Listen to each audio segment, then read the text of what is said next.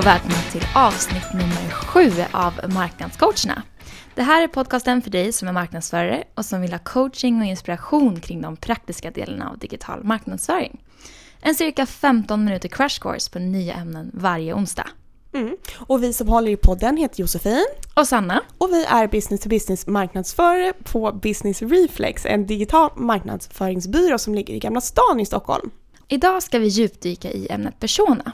Ett begrepp som används frekvent inom marknadsföring. Men vad betyder det egentligen och hur gör man för att lära känna sin persona?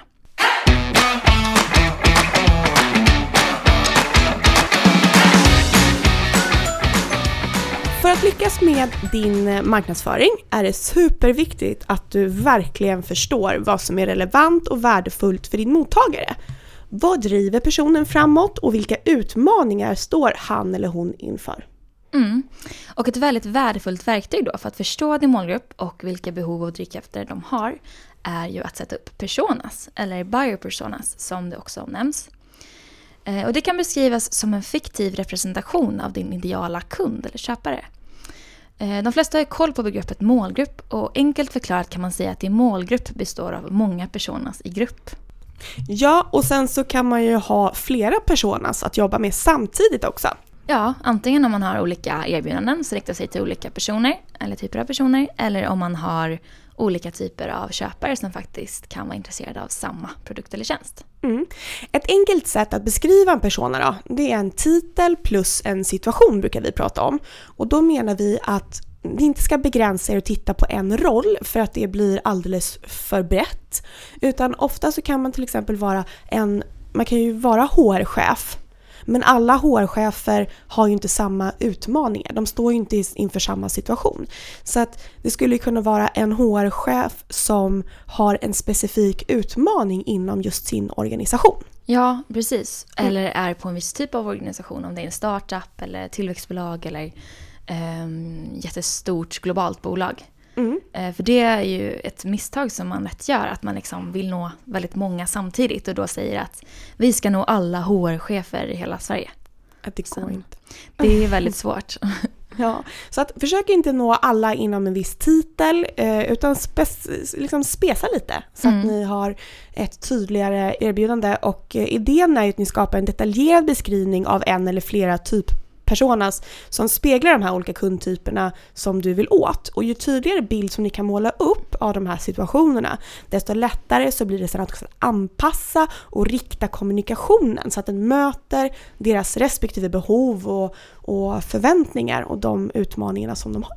Precis, och det är ju väldigt frestande när man sitter där att skriva ihop en sån här personabeskrivning utifrån vad man tror och utifrån sin egen bild. För man tycker ju att man känner de här personerna bra, man har träffat dem i kundmöten, man har träffat dem på mässor. Men det är tyvärr så att man vet väldigt lite, har vi upptäckt. Utan man behöver träffas och fråga frågor och ta reda på mer. Så man får helt enkelt se till att ta den långa vägen. Det mm. funkar inte med genvägar riktigt.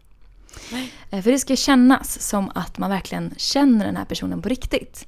Eh, vi brukar göra så att vi brukar sätta upp personadokument där vi ehm, beskriver personas. Eh, vi frågar då väldigt detaljerat. Eh, vi brukar döpa dem utifrån deras situationer eller deras typiska drag.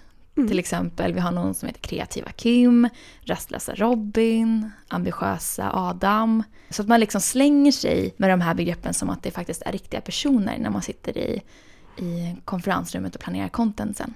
Mm. En kompis. Ja, eller mm. inte beroende på om det är en trevlig person. jo, men, men de är våra kompisar. man skulle prata om en kompis. Ja. ja. Och de här människorna, eller de här kompisarna som mm. ni sen ska bygga relation till, det är ju de ni ska lära känna, det är de ni ska kommunicera med dagligen. Så lär verkligen känna de här ordentligt. Skapa content och berätta er story och rikta det till era olika personas. Det vill säga inte till alla HR-chefer mm. på marknaden eller CFOs eller CIOs, utan bli mer konkreta och relevanta i marknadsföringen så att de lättare kan ta det till sig. Ja. Det är ganska mycket att hålla koll på då när man ska skriva en sån här persona. Men det finns ju lite olika så basic grejer som mm. vi kan stolpa upp. Vad behöver man ha koll på? Ja, rent allmänt bör man titta först. Och då är det ju saker som till exempel bakgrund rent utbildningsmässigt. Är det en akademiker vi har att göra med eller är det någon som har arbetat sig upp? För det skiljer lite ofta hur man konsumerar content och Eh, hur man uttrycker sig, vad man har för tone of voice. Tankesätt, principer, karaktärsdrag. Självklart kan det vara svårt, man vill inte dra alla över en kam såklart. Men oftast är det ju så att man kan se utmärkande drag hos en viss typ av persona. Mm. Och sen behöver man ju ta reda på vad de här personerna har för prioriterade initiativ. Och då snackar vi lite grann om de här problemen och utmaningar. Alltså vilka typ tre till fem eh, utmaningar lägger vår köpare tid på? Eller budget? Eller liksom prestige och politiskt kapital på? Vad är det viktigaste för de här personasarna? Och där ska ni undvika den här generaliseringen, typ att vinst Mm. Vi, vill ha, vi ska tjäna mera pengar, vi ska öka vinsten. För att det är ju någonstans så att det är en, en generell, eh, vad ska man säga, alltså, det är ju någonting som gäller de flesta eh, företag och verksamheter som ja. bedrivs. Och det är också ofta det som först kommer när man själv sitter och gissar, som vi sa innan att man inte ska göra. Mm. Då är det ofta sådana generella grejer som man kommer på. Mm. Eh, ja, precis, så man ska djupare än så. Precis, och eh, vilket är då alltså viktigast? Alltså till exempel, eh, hur ska jag kunna skapa engagemang och glöd bland mina anställda? Skulle kunna mm. vara ett viktigt prioriterat initiativ för en HR-persona eh, mm. som man ja. håller på att skapa. Ja, när man vet de prioriterade initiativen, eller de, det kan vara flera, så bör man ha koll på framgångsfaktorer. Och det är hur definierar vår köpare eller persona framgång med sitt prioriterade initiativ? Alltså vilka KPI används för att mäta framgången? Eller finns det andra, kanske mindre kvantitativa mått på framgång? Och då behöver man även vara specifik här så att man vill inte vara för allmän som att eh, nå målet. Ja okej, ja men det vill väl alla göra. Utan även här då vara konkret. Till exempel få positiv feedback från cheferna i organisationen eller uppfattas som kunnig av andra kollegor och andra i branschen. Sen kan det ju vara väldigt, väldigt konkret. Alltså någons prioriterade, inte prioriterade initiativ, någons framgångsfaktor skulle kunna vara också mera prylar, grejer. Ja. Det kanske är jätteviktigt för den här personen att ha en fancy firmabil. Precis, det är det yttersta måttet på framgång. ja. Eller en uh, tjusig Gucci-väska eller ja. ja alla har olika, det finns ju både hårda och mjuka värden. Och det ja. ska ni liksom luska rätt lite grann på. Precis, vad det än är så kommer de här faktorerna att driva personen. Så det gäller helt enkelt att ha koll på dem. Och nästa grej är köphinder. Och i det här steget så vet köparen vilken lösning det handlar om. Han har kommit en bit eller hon på köpresan. Och här handlar det om att ta reda på vad det är som köparen ser som hinder för att kunna investera i den här typen av lösning. För de vill ju hjälpa personen att överkomma eller komma över. Ja, exempel här kan vara att det är svårt att få förankring internt. Det är svårt att få gehör. Eh, det kan finnas brist på starkt business case. Att man måste verkligen visa konkreta bevis på att det här kommer ge något, eh, någon vinst i slutändan. Det kan vara en stor risk, det är obeprövat och så mm. vidare. Så samma sak där, var konkret. Precis, och ta reda på vad alla de här köphindren skulle kunna vara och Eh, kommer de inte på någonting top of mind, hjälp dem att klura ut det. För det är ju här mm. också sen som ni vill leverera content som kan hjälpa dem att liksom svara på alla de här och ja. visa att det faktiskt inte är ett hinder utan att det finns en, en bra lösning. Och då kommer vi in lite grann på köpresan. Alltså hur börjar köpresan? Och köpresan då är ju från det att man inte har någon aning om vilka ni är till att man kommer på att man har Eh, man har ett behov av någonting, till att man tar reda på lösningen, till att man hittar, liksom, och det är slutgiltig liksom, affär kan man säga. Ja. ja, till det faktiska köpet. Från innan, när ni var nobody, till mm. när ni blir den viktiga grejen i, i livet. Och hur börjar det då? Liksom, vilka steg går personen igenom? Hur lång tid tar det? Alltså hur, från A mm. till B till C till D. Det kan ju skilja liksom en månad till två år. Så det, den är viktig ja. att ha koll på så att man inte har fel förväntningar när man går in i det också. Ja precis, det kan ju vara en väldigt lång beslutsprocess. Mm. Och vad, vad finns det för eh, personer som är inblandade i beslutsprocessen? Vad finns det för beroenden? Vad söker de information? Vad är det för typ av information? När tar de kontakt med en leverantör? Eh, behövs det kanske en, eh, ett pilottest av tjänsten eller produkten? Hur ser det ut när de ska handla? Och då kan man ju komma vidare till när de väl tar beslutet. Exakt. När de står där och är nära att signa, vad är det då som är viktigt? Och då kommer vi till beslutskriterier. Och då behöver man ha koll på dem för att liksom kunna se till att man möter eh, köparens förväntningar och, och eh, utmaningar kring det. Ett exempel här kan ju vara att det är viktigt att det finns ett starkt förtroende för leverantören, alltså för dig. Eh, det kan vara viktigt att det finns geografisk närhet, att ni båda sitter i, i samma stad, att du inte sitter i, på andra sidan jordklotet för att de tycker det är viktigt att ni kan höras i samma tidszon eller springa över till varandra på en kopp kaffe. Eh, Att systemet, eller vad det nu är, ska vara lättanvänt. Ja, vad är viktigt för att beslutet ska fattas i slutändan? Mm.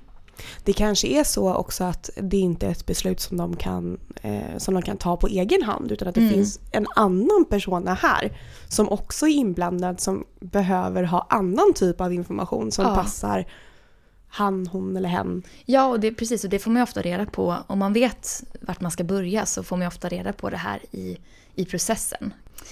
Jag läste någonstans, eh, och vi har pratat om det tidigare också, vid något tillfälle, att jag tror att det är 5,4 personer i snitt som är inblandade i en sån här beslutsprocess på många företag ja. där ute. ja, men det kan jag tänka mig.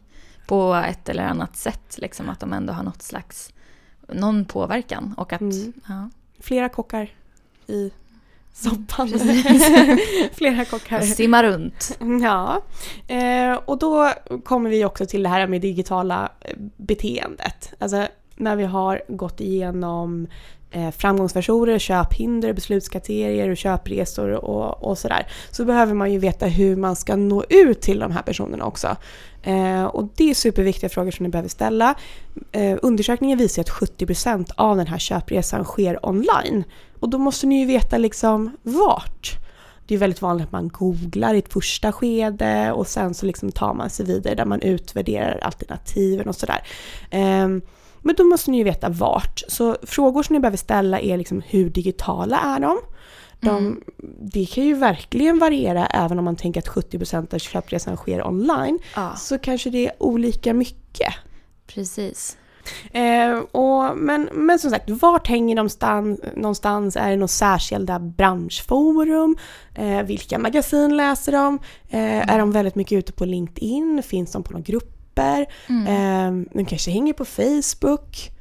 Ta reda på liksom så här, vart finns deras lilla kaffeautomat där de Ja. eh, vandrar Hänger när det är paus. Deras central Ja. perk. Ja. Eh, och hur ska man då ta reda på allt detta? Kan man ju fråga sig. Det kan ju vara på olika sätt. Jag menar intervju.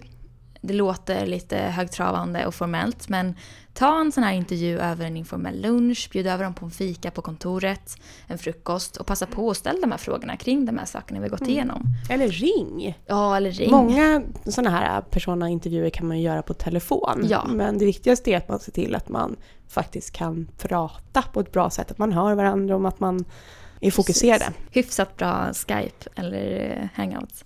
Mm. Sen också kan man passa på att ställa enkla frågor när man får chansen. Alltså är du på ett kundevent, en mässa?